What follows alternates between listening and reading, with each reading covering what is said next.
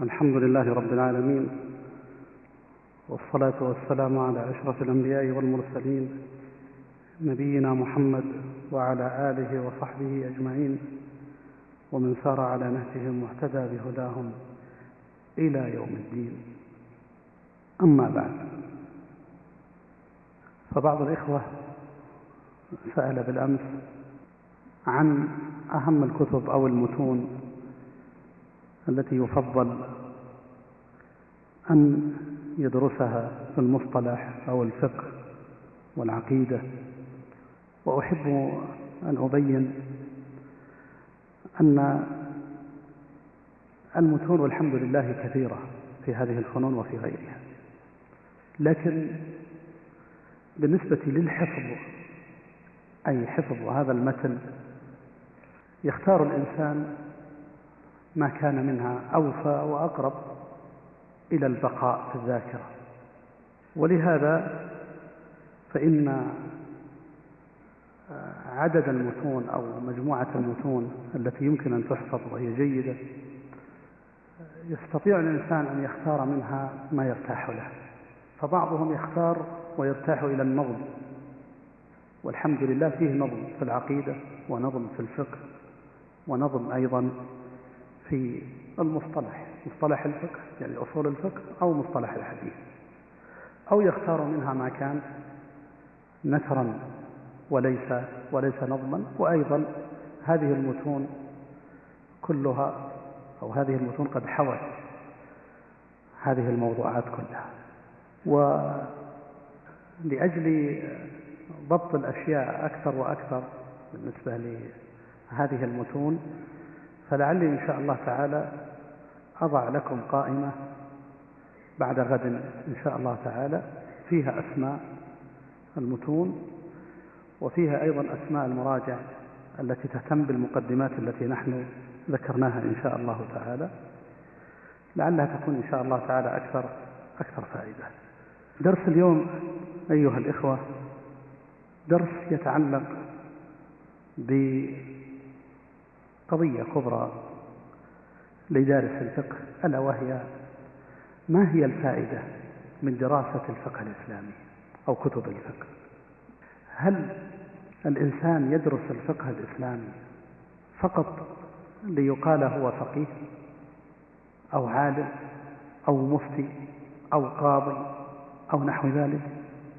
أم أنه يدرس الفقه الإسلامي سواء كانت دراساته تشمل الأصول أي الأدلة أدلة الفقه من القرآن الكريم وسنة الرسول صلى الله عليه وسلم والإجماع والقياس وما يتعلق بذلك من الدلائل في أصول الفقه أو أنه يدرس أيضا الفقه الإسلامي وكلام العلماء وسواء كان هذا الفقه فقها مذهبيا مثل كون الإنسان يدرس أولا كتابا في الفقه على مذهب الإمام أحمد مثلا أو الشافعي أو غيرهما من الأئمة أو يدرس فقها مقارنا كما يسمونه بأن يدرس مجموعة من كتب الفقه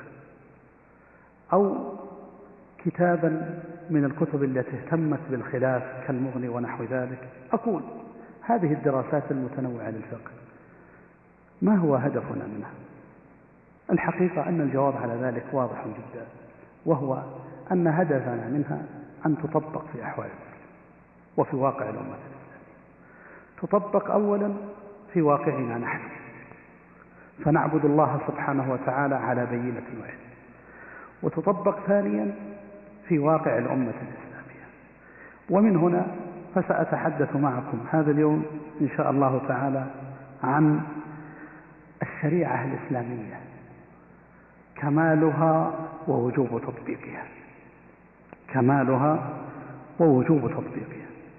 وسنعرض لهذه المسألة من عدة أوجه. فنقول إن هذا الموضوع موضوع كمال الشريعة ووجوب تطبيقها. بالنسبة لنا نحن المسلمين هو موضوع أساسي وأصل من أصول دين الإسلام.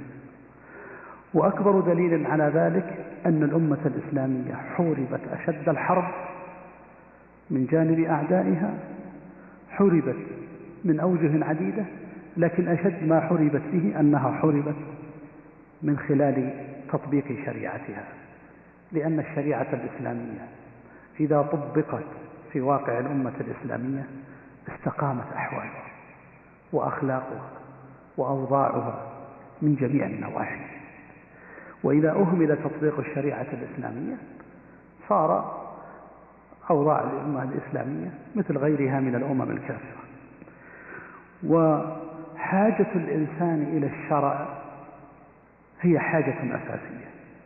ولهذا يقول شيخ الإسلام ابن تيمية رحمه الله تعالى يقول والإنسان مضطر إلى شرع في حياته الدنيا فإنه لا بد له من حركة يجلب بها منفعته وحركة يدفع بها مضرته والشرع هو الذي يميز بين الأفعال التي تنفعه والأفعال التي تضره. وهو عدل الله في خلقه ونوره بين عباده. فلا يمكن الآدميين أن يعيشوا بلا شرع يميزون به بين ما يفعلونه وما يتركونه. وهذا في التدمرية وفي مجموع الفتاوى ثلاثة مية وأربعة عشر.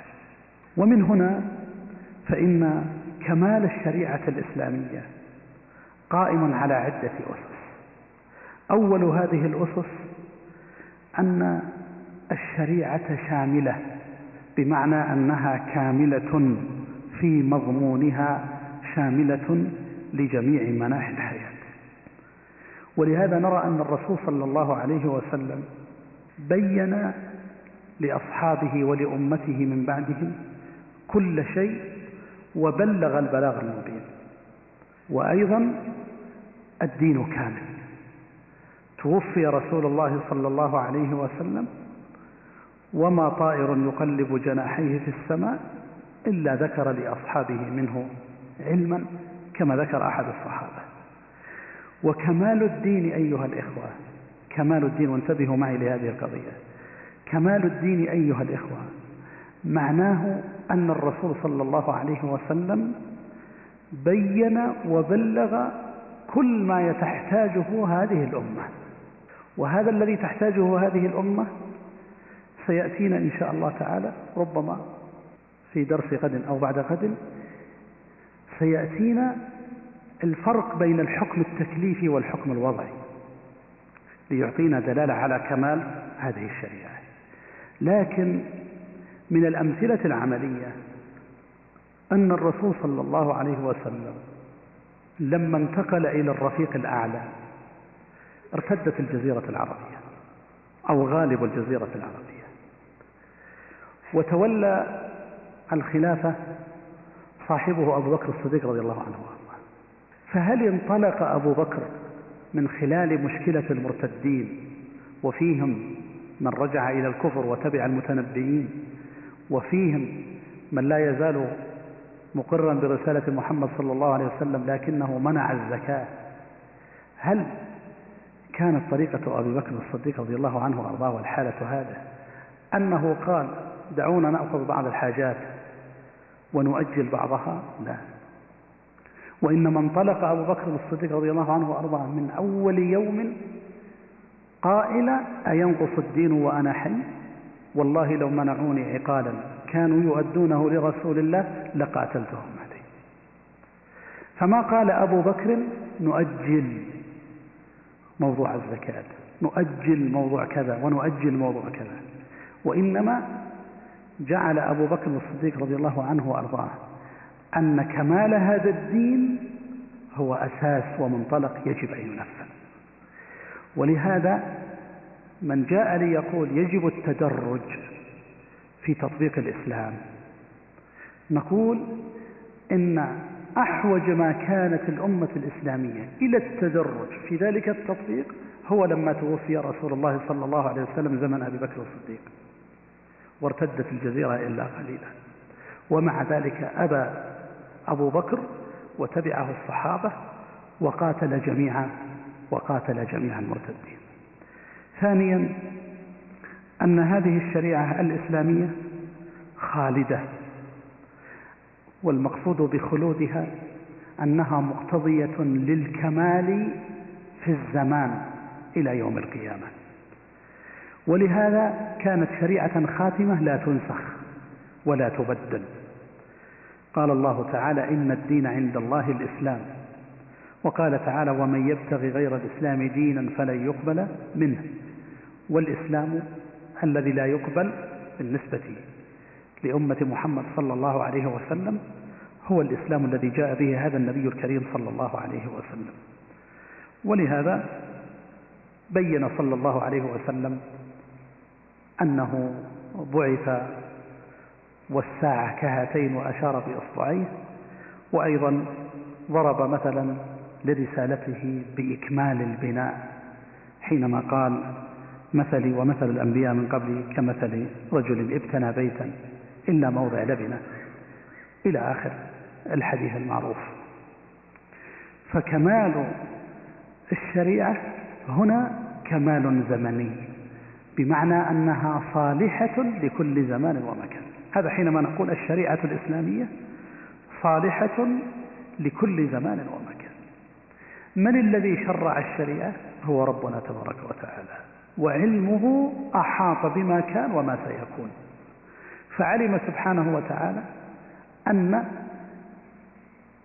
الدنيا ستتغير وستتطور وستأتي مخترعات ونحو ذلك وشرع لنبيه صلى الله عليه وسلم ما يصلح حياة البشر وأحوال البشر في أي مكان وفي أي, وفي أي زمان.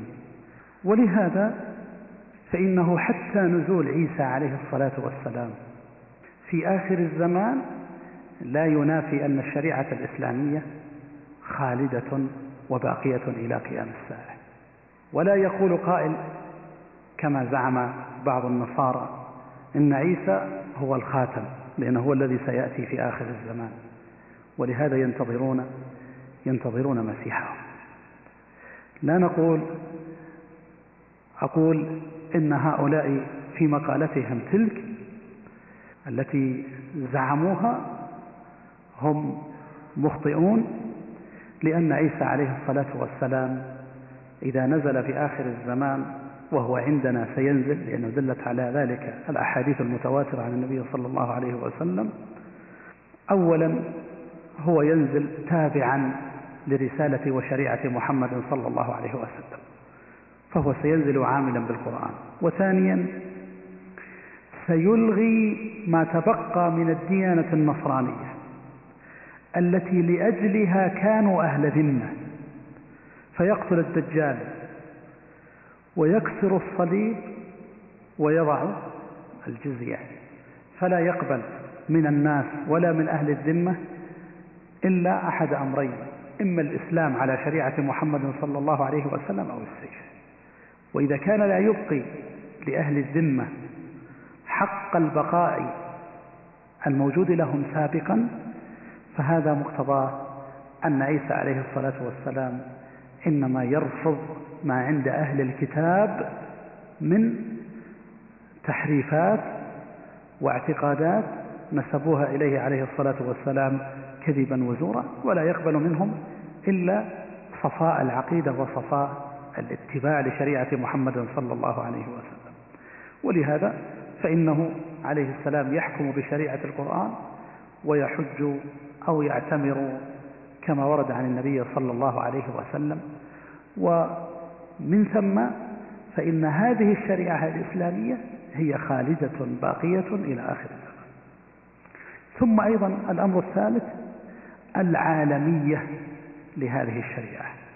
والمقصود بالعالمية الكمال المكاني فهي ليست خاصة بالعرب ولا بما بما دخل في الإسلام من بلاد المسلمين سابقا وإنما هي شريعة عالمية شاملة لكل مكان يمكن أن تطبق فيه.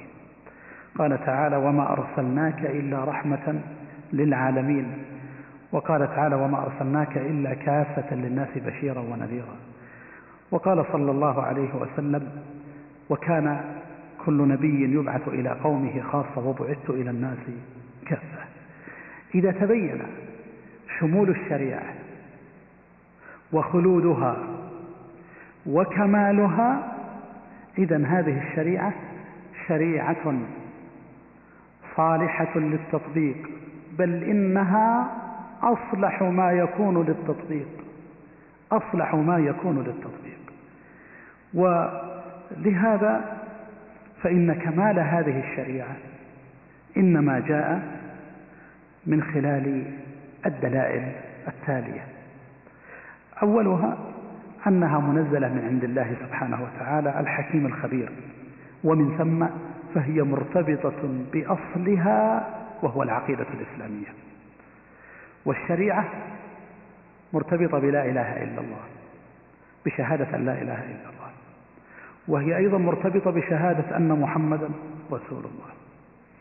وهي أيضا مرتبطة بالرضا بالله ربا وبالإسلام دينا وبمحمد صلى الله عليه وسلم رسولا. وهي أيضا مرتبطة بصفات الله صفات الكمال لله سبحانه وتعالى. ولأنها من عند الله سبحانه وتعالى ولأنها جزء من العقيدة إذا هي شريعة كاملة لأنها من عند الله. واجبة التنفيذ والتطبيق لأنها من صلب وصميم العقيدة. ثم نقول أيضا إن هذه الشريعة المباركة معصومة كما أن صاحبها صلى الله عليه وسلم معصوم وكما أن أمته معصومة إذا اجتمعت على أمر. كما قال عليه الصلاة والسلام لا تجتمع أمتي على لا تجتمع أمتي على ضلالة. ولهذا قال تعالى إنا نحن نزلنا الذكر وإنا له لحافظون. لحافظون. وقال تعالى اليوم أكملت لكم دينكم وأتممت عليكم نعمتي ورضيت لكم الإسلام دينا. ولهذا أيضا منع استراق السمع أيام بعثة النبي صلى الله عليه وسلم. فإذا كانوا منعوا أي منع الجن من استراق السمع من السماء فكذلك أيضا في الأرض. فحينئذ كمال الشريعة الإسلامية وخلودها أمر إلهي رباني لا مدخل للبشر فيه ولا مقارنة بين هذه الشريعة وبين غيرها. وكذلك أيضا الاعتبار الوجودي والواقعي منذ عهد النبي صلى الله عليه وسلم إلى الآن. القرآن الكريم كما أخبر الله حفظ وباقي سنة النبي صلى الله عليه وسلم حفظت ودونت وميز صحيحها من ضعيفها. ولا تزال طائفة من أمة محمد صلى الله عليه وسلم قائمة بالحق يردون البدعة ويقومون بالسنة ومجتهد الأمة وفقهاؤها وحملة الشريعة تجدهم في كل وقت وآن وهذه كلها من الدلائل القوية على أن هذه الشريعة باقية. تعالوا الآن مثلا إلى واقع الأمة الإسلامية اليوم. لو فتشت لوجدت فعلا واقع من الناحية التطبيقية للشريعة الإسلامية؟ مؤسف. لكن والحمد لله من ناحية وجود العلماء الذين لا يزالون يتعلمون هذه الشريعة ويدرسونها ويثقون بها والحمد لله موجودة في كل مكان. وما هذه الدروس العلمية وغيرها؟ وما دروس المشايخ وحلقات المشايخ وتعلم طلبة العلم وحرصهم الشديد؟ على حفظ القرآن وعلى مدارسة السنة وعلى مدارسة الشريعة الإسلامية بكل جوانبها إلا من الأدلة القوية على كمال هذه الشريعة وتهيئة الله سبحانه وتعالى. حينما تريد الأمة أن تطبقها تهيئة العلماء العاملين لذلك. والحمد لله رب العالمين.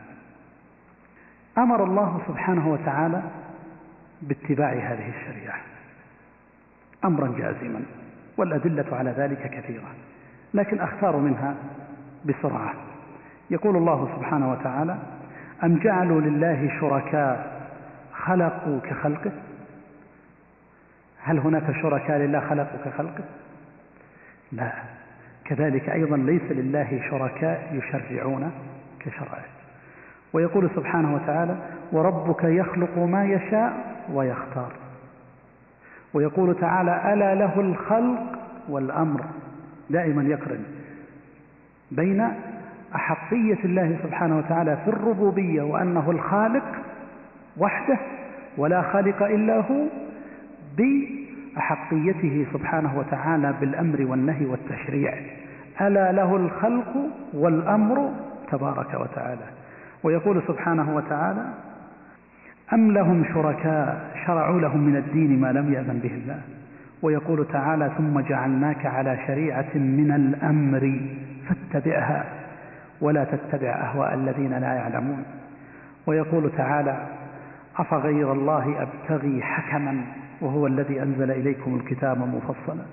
ويقول تعالى فلا وربك لا يؤمنون حتى يحكموك فيما شجر بينهم إلى آخر الآيات المعروفات. ومن هنا فإن ربنا تبارك وتعالى بين لنا أنه ما فرط في الكتاب من شيء. فقال الله تبارك وتعالى ما فرطنا في الكتاب من شيء. وقال تعالى وأنزلنا عليك الكتاب تبيانا لكل شيء. تبيانا لكل شيء. وقال تعالى إن هذا القرآن يهدي للتي هي أقوم. وهذا شامل لجميع مناحي الحياة.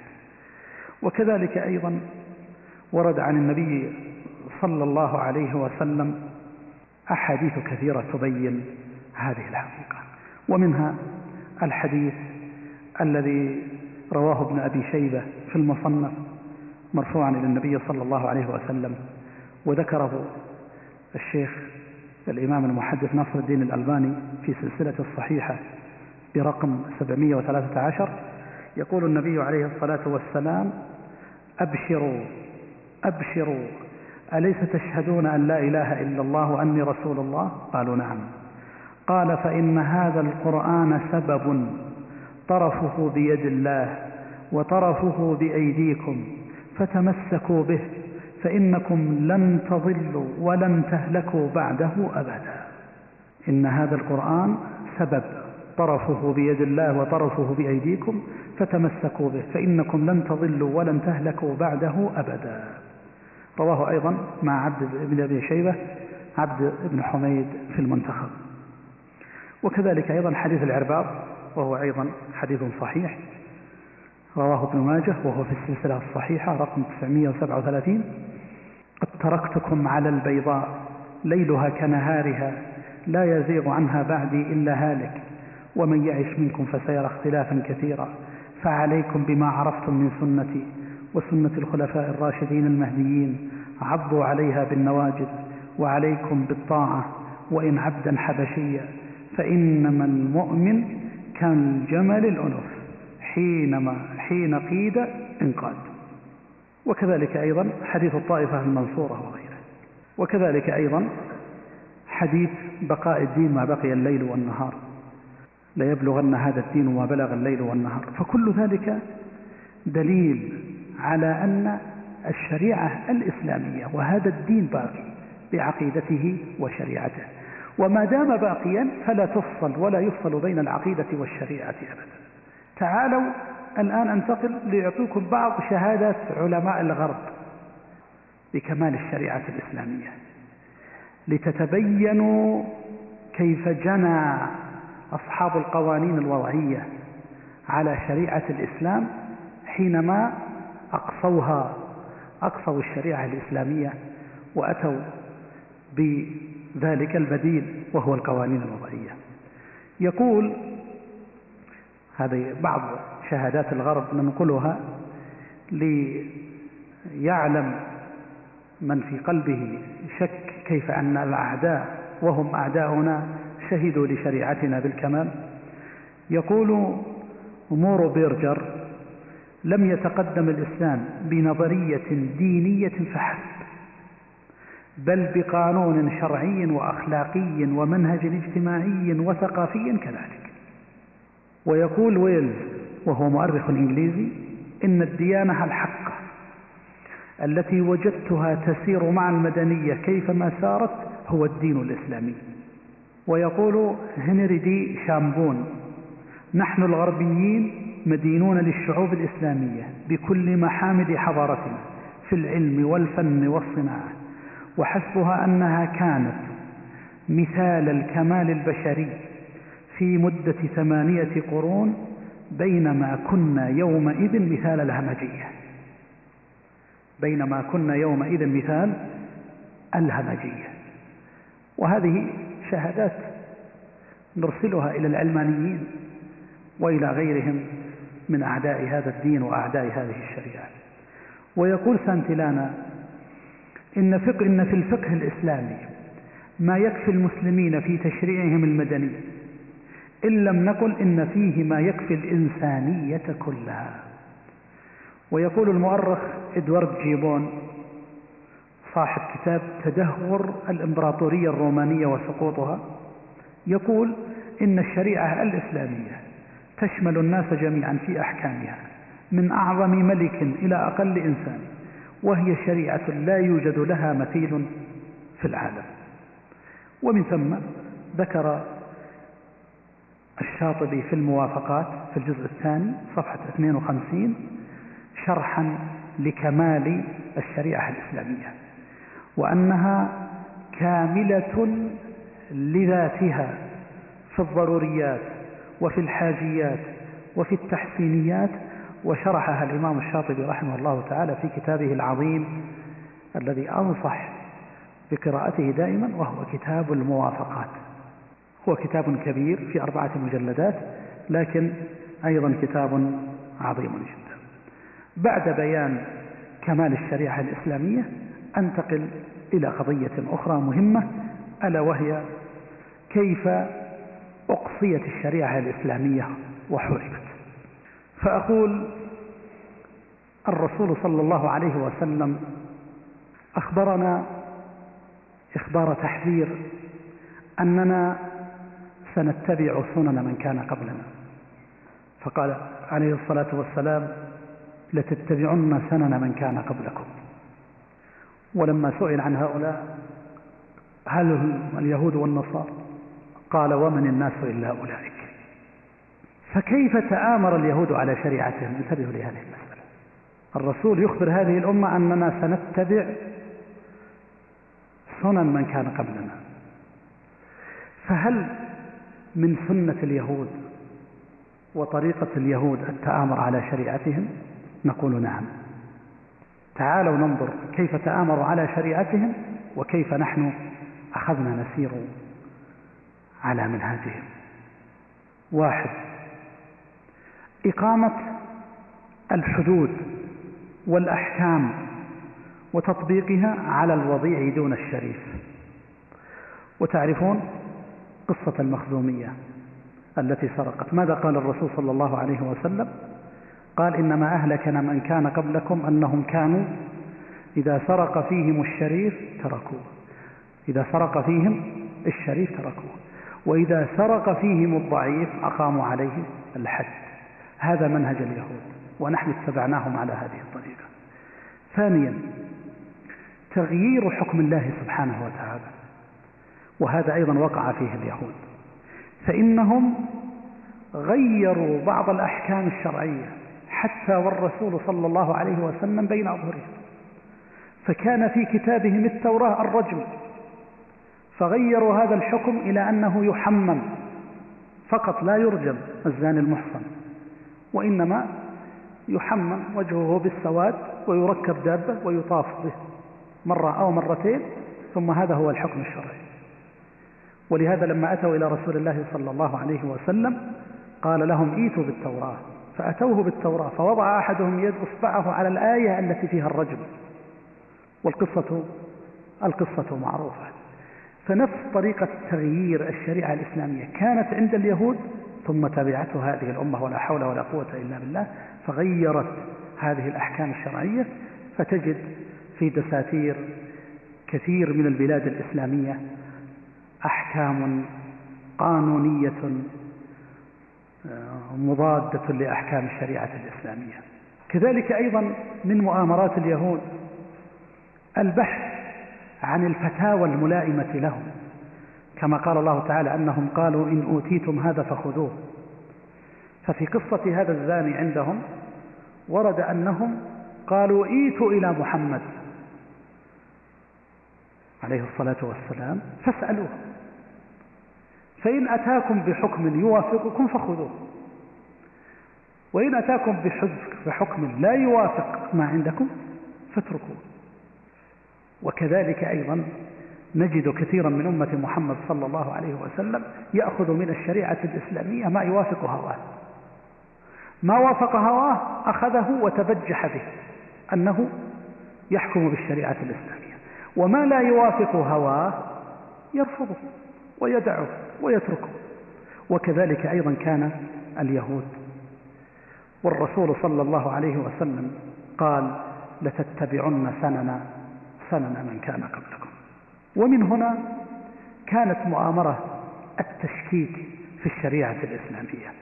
ولقد واكب هذه المؤامرة وربما سبقها عدة مؤامرات لحرب شريعة الإسلام.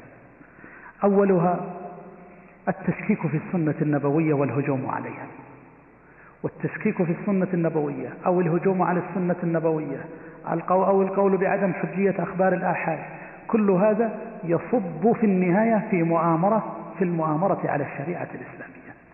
ثانيا تلميع الفرق الخارجة عن الإسلام كالقاديانية والبهائية والرافضة وغيرها وإبرازها لأن ما عندها من أمور وقضايا وعقائد وتشريعات مصادمة للشريعة الإسلامية ومخالفة لها. ثالثا اتهام الشريعة الإسلامية بالقسوة في أحكامها. وتلك شنشنة عرفت من كل معاد للإسلام في كل وقت وخاصة في عصرنا الحاضر. طالما طالما اتهموا الشريعة الإسلامية بأنها شريعة لا تصلح للتطبيق أو إنها قاسية أو منفرة أو نحو ذلك. كذلك أيضا رابعا خلاف العلماء صار مدخلا للعلمانيين للهروب من الشريعة. بمعنى أن العلمانيين يجدون العلماء أو الفقهاء قد اختلفوا في كثير من المسائل فيأتون ويقولون إذا نحن لا نلزم بقول معين ولا برأي معين بل نأخذ ما يحلو لنا.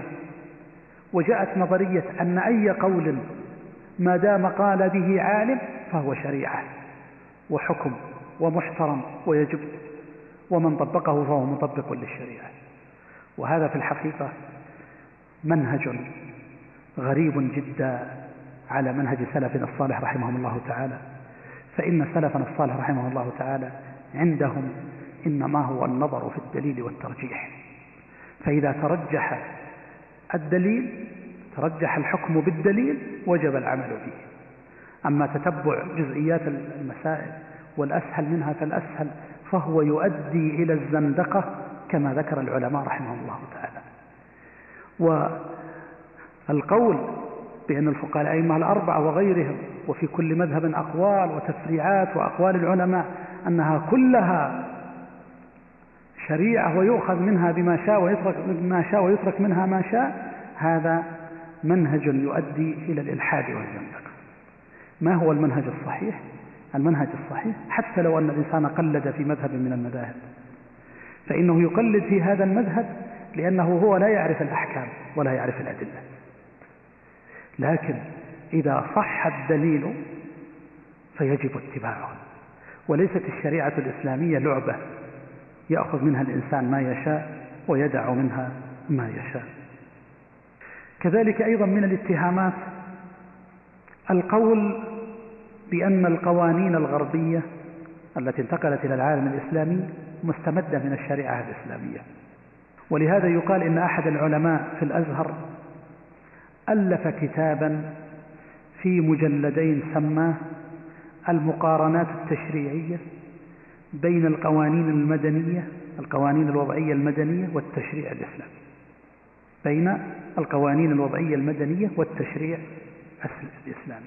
وأيضا نابليون لما أصدر قانونه الوضعي في مصر بعد قدومه إليها واحتلاله لها وإطلاع رجال القانون الفرنسي على ما كتبه العلماء في الفقه الإسلامي أو إطلاع بعضهم أنهم أتوا بهذه النتيجة وهي أنه لا يكاد يخرج هذا القانون عن قول عالم من العلماء حتى صرحوا بذلك بل قالوا إن 95% من القوانين أو يمكن 98% من القوانين كلها تتوافق مع قول عالم من العلماء. وهكذا تحولت الشريعة الإسلامية إلى لا شيء وصارت القوانين الكفرية المبنية على تحكيم الطاغوت والمستمدة أحكامها من حكم الطاغوت صارت هي شريعة الإسلام ولا حول ولا قوة إلا بالله العلي العظيم. آه، هنا عبارة قالها أحد أساتذة القانون من الغربيين اسمه فينز جيرالد يقول فيها مبينا تميز الشريعة الإسلامية عن أي قانون آخر. يقول الواقع أن النظامين الرومي والإسلامي. هنا كلمة الرومي وقفة لأن كثير من المستشرقين والمبشرين وأذنابهم من ممن تبعهم من بعض المسلمين يقولون إن الشريعة الإسلامية مستمدة من القانون الروماني اللي كان موجود قبل الإسلام. من القانون الروماني. وبعضهم يتهم الرسول نفسه بأنه كان يستفيد من القوانين الرومانية الموجودة في ذلك الوقت. والبعض الآخر يتهم أئمة الفقهاء كالشافعي وأبي حنيفة أنهم استمدوا الفقه المنسوب إليهم من القوانين الرومانية. وهذه فرية رد عليها جمهرة من الباحثين بينوا فيها أنه لا علاقة إطلاقا بين الشريعة الإسلامية وبين القانون الروماني لا من قريب ولا من بعيد. وأن الشريعة التي جاء بها رسول الله صلى الله عليه وسلم كانت شريعة ذاتية مبنية على الأحكام التي أنزلها الله سبحانه وتعالى من خلال الوحي الموحى كتاب الله تعالى وسنة رسوله صلى الله عليه وسلم. يقول هذا الرجل وهو غربي غير مسلم يقول الواقع أن النظامين الرومي والإسلامي متضادان إلى حد لا يمكن معه التوفيق بينهما فيما يتعلق بالمسائل الأساسية وهي المأخذ الصحيح للقانون. فالقانون الإسلامي هو قانون الله المشرع الوحيد ولا سلطة لأي أمير في وضع القوانين ومشيئة العوام لا اعتبار لها إلا إذا مثلت إجماعا عاما كافيا. إلا إذا مثلت إجماعا عاما كافيا. انتبهوا معي لهذه المسائل. وهذا لأنه أستاذ في القانون يعرف مداخل القضية. فيقول القانون الإسلامي هو قانون الله. انتبهوا معي. ويقول أيضا إذا قانون الله المشرع الوحيد إذا المشرع الوحيد هو الله. وليس سلطة من السلط. ليس برلمان ولا مجلس من المجالس هو الذي يصدر التشريعات. وكذلك أيضا قال لا سلطة لأي أمير في وضع القوانين. ثم أيضا يقول ومشيئة العوام لا اعتبار لها. انتبهوا للديمقراطية اللي يقول لك خلاص انتخابات وهي التي تختار أو ما اختار. مشيئة العوام لا اعتبار لها. إلا إذا مثلت إجماعا لأن النبي صلى الله عليه وسلم قال لا تجتمع أمتي على لا تجتمع أمتي على ضلالة. ويقول أيضا الشريعة كما ذكرنا من قبل تختلف اختلافا أساسيا عن القانون الرومي سواء في طبيعتها أو في غرضها. فالقانون الرومي حتى في خالص ناحيته المجردة والعلمية ليس إلا قانون العلماء القانونيين. أو كما يقال في المثل اللاتيني كل قانون وضع فإنه وضع بسبب إنسان. أما القانون الإسلامي فهو أولا وقبل كل شيء نظام أهل دين يطبقون الأحكام الموجودة على الوقائع وغرضهم وصل كل نفس إنسانية بالله تعالى.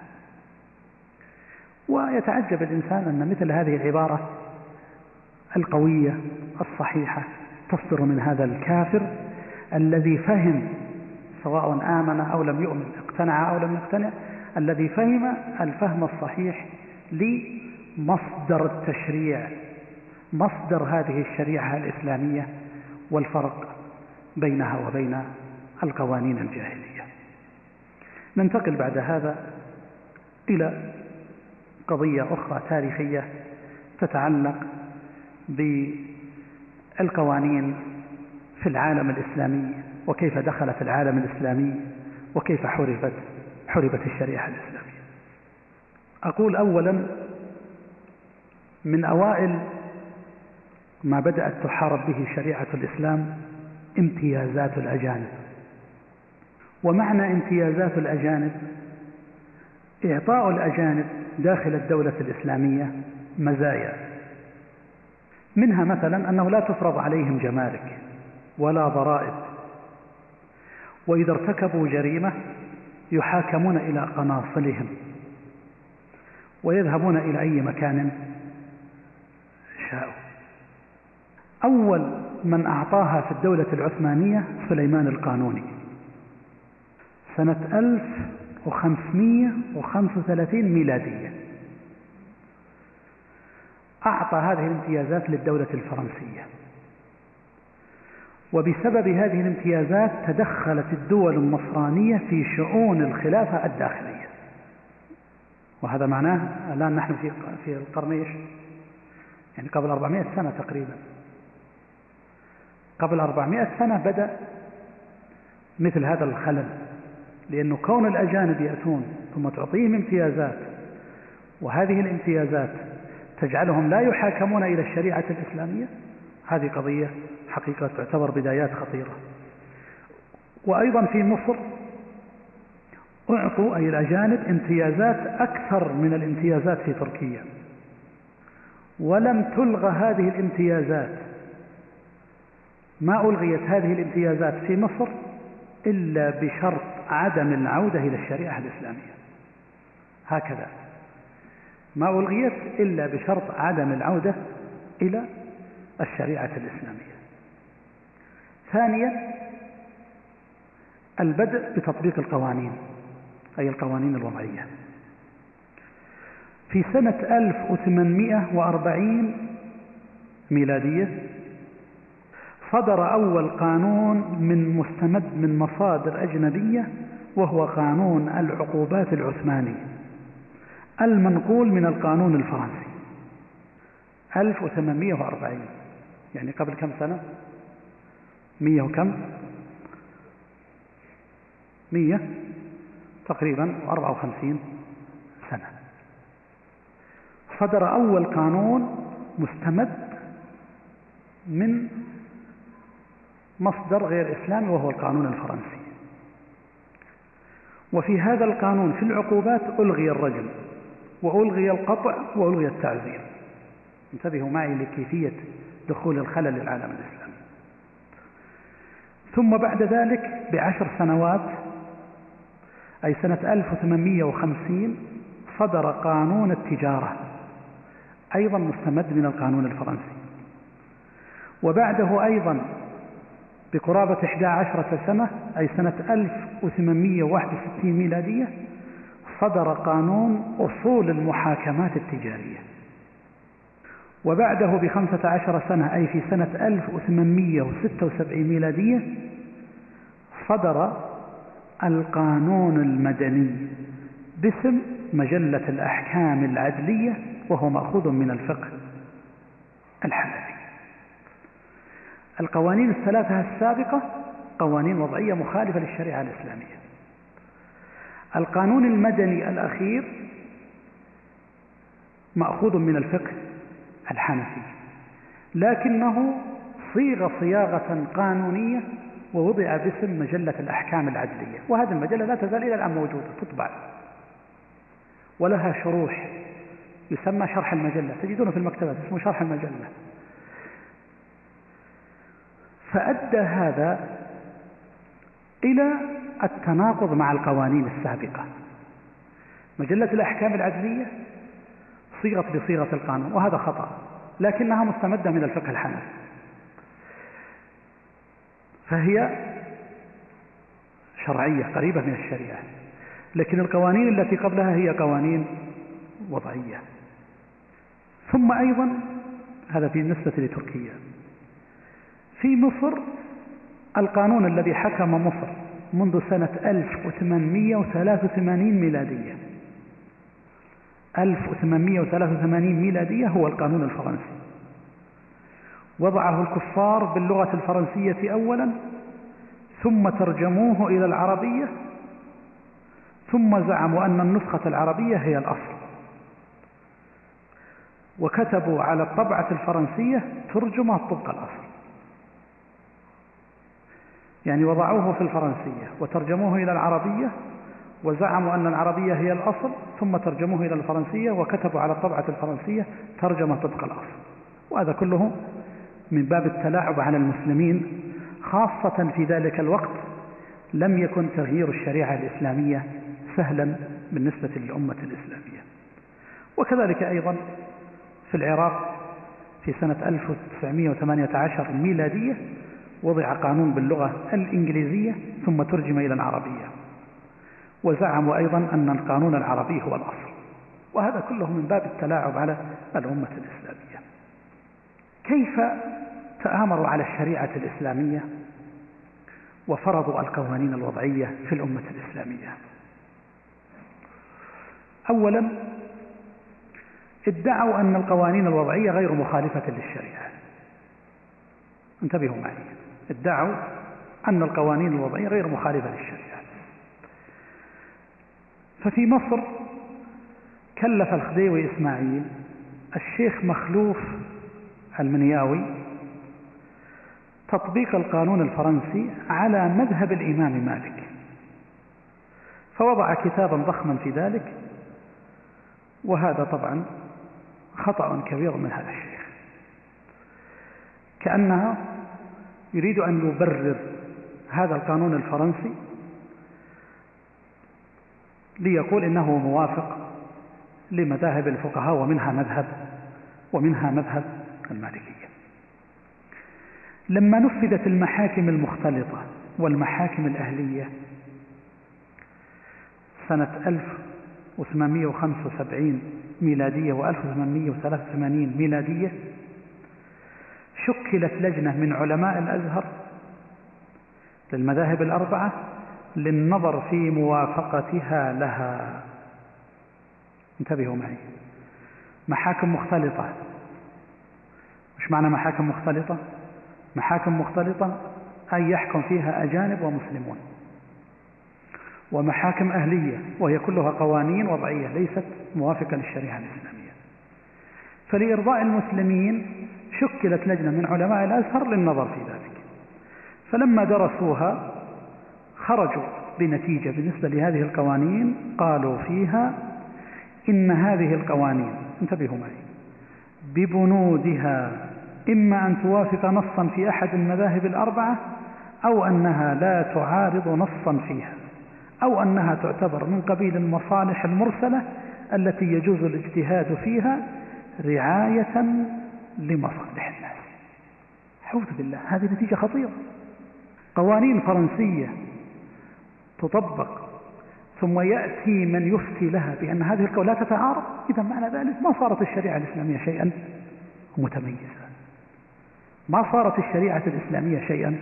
متميزا حينما يحكمون هذا الحكم الآن والقضية كما تعلمون جميعا لم تكتفي عند هؤلاء بل كثيرا ما يردد القانونيون هذا الشيء. تأتي لقانون مستمد أصله من غير الشريعة والتحاكم إلى غير الشريعة والمشرع هو غير الشريعة ثم إذا جئت قال لك هذا لا يتعارض مع الشريعة الإسلامية بل يتوافق مع قول عالم من العلماء. ثانيا إذا الدعوة الأولى دعوة أن الشريعة الإسلامية لا تعارض القوانين الوضعية. الثانية دعوة التوفيق بين الشريعة والقانون مزج الشريعة بالقانون وهذه أيضا أخذت عدة أشكال. منها حرص هؤلاء القانونيين على إدخال القوانين في كليات الشريعة في كليات الشريعة. لأن إدخال هذه القوانين في كليات الشريعة معناها مزج الشريعة بالقانون إيجاد تصالح بين قانون من الطاغوت وبين الشريعة الإسلامية. وهذا وجد في تقريبا جميع الكليات الشرعية في العالم الإسلامي إلا ما عصم الله. ثانيا عقد مؤتمرات للفقه الإسلامي والقانون. ولهذا قال عثمان خليل عثمان في أسبوع الفقه الذي عقد بباريس سنة 1951 أي 1300 تقريبا 71 هجرية ماذا قال؟ قال الهدف في نظري وفي الحقيقة هو أن يراد التعاون بين رجال الشريعة ورجال القانون على صعيد التعاون بين ما توارثناه أو ما وصل إلينا من فقه السلف وبين مقتضيات العصر الحاضر. ثم يقول المقصود أن نوائم بين هذه الأفكار وبين ما ورد في أفكار العصر الحديث من وجود عقبات تجعل هذه الأفكار غير متمشية مع العصر. وعلى ضوء هذا المؤتمر اقترحوا تقرير المواد القانونية في كلية الشريعة بجامعة الأزهر ليقرب بين الشريعة والقانون. وهذه القضية لم تخلو من قيام بعض العلماء في الرد عليها. فمثلا أبو زهرة رحمه الله رد عليها وكتب يقول حول هذه القضية إنهم يريدون التبديل. انتبهوا معي لكلمة أبو زهرة. إدخال مادة القانون في كليات الشريعة هدفه خبيث. يقول أبو زهرة إنهم يريدون التبديل ولا يريدون إيجاد أحكام لما جد من أحداث. إنهم يريدون التغيير في الأحكام القائمة الثابتة بالنصوص من غير اجتهاد بحيث تسير الشريعة الإسلامية وراء القانون القائم لا أن يسير هو وراءها. يريدون أن تكون الشريعة محكومة بما يجري بين الناس. لا أن تكون حاكمة على ما يجري بالخير والشر. وفعلا كلمة أبو زهرة هنا في محلها. فالقانونيون الآن يرددون أن الشريعة الإسلامية صعبة وأن علماء الفقه جامدين وأن, وأن لكن القوانين لا هي التي مرتبة ومنظمة ويمكن أن تطبق ويمكن أن يتحاكم إليها وسهلة وعصرية إلى آخره. فإذا مزجوا بين الشريعة الإسلامية والقانون تحول هذا الطالب من دراسة للشريعة الإسلامية في كتب فقهية أحيانا صعبة إلى كتب في القانون مرتبة ترتيب دقيق جدا. ففي الأخير يتحول وهذا ما شاهدناه والله بأم أعيننا يتحول إلى أنه يكون هذا الإنسان عنده نوع من الخلط في هذه القضايا الخطيرة جدا تجد الواحد منهم وهو طيب يقول لك نعم الحقيقة أنه ما في تعارض لأنه نفس القوانين هذه لا تتعارض مع الشريعة الإسلامية. لو عدلت بعض التعديلات مشت معها.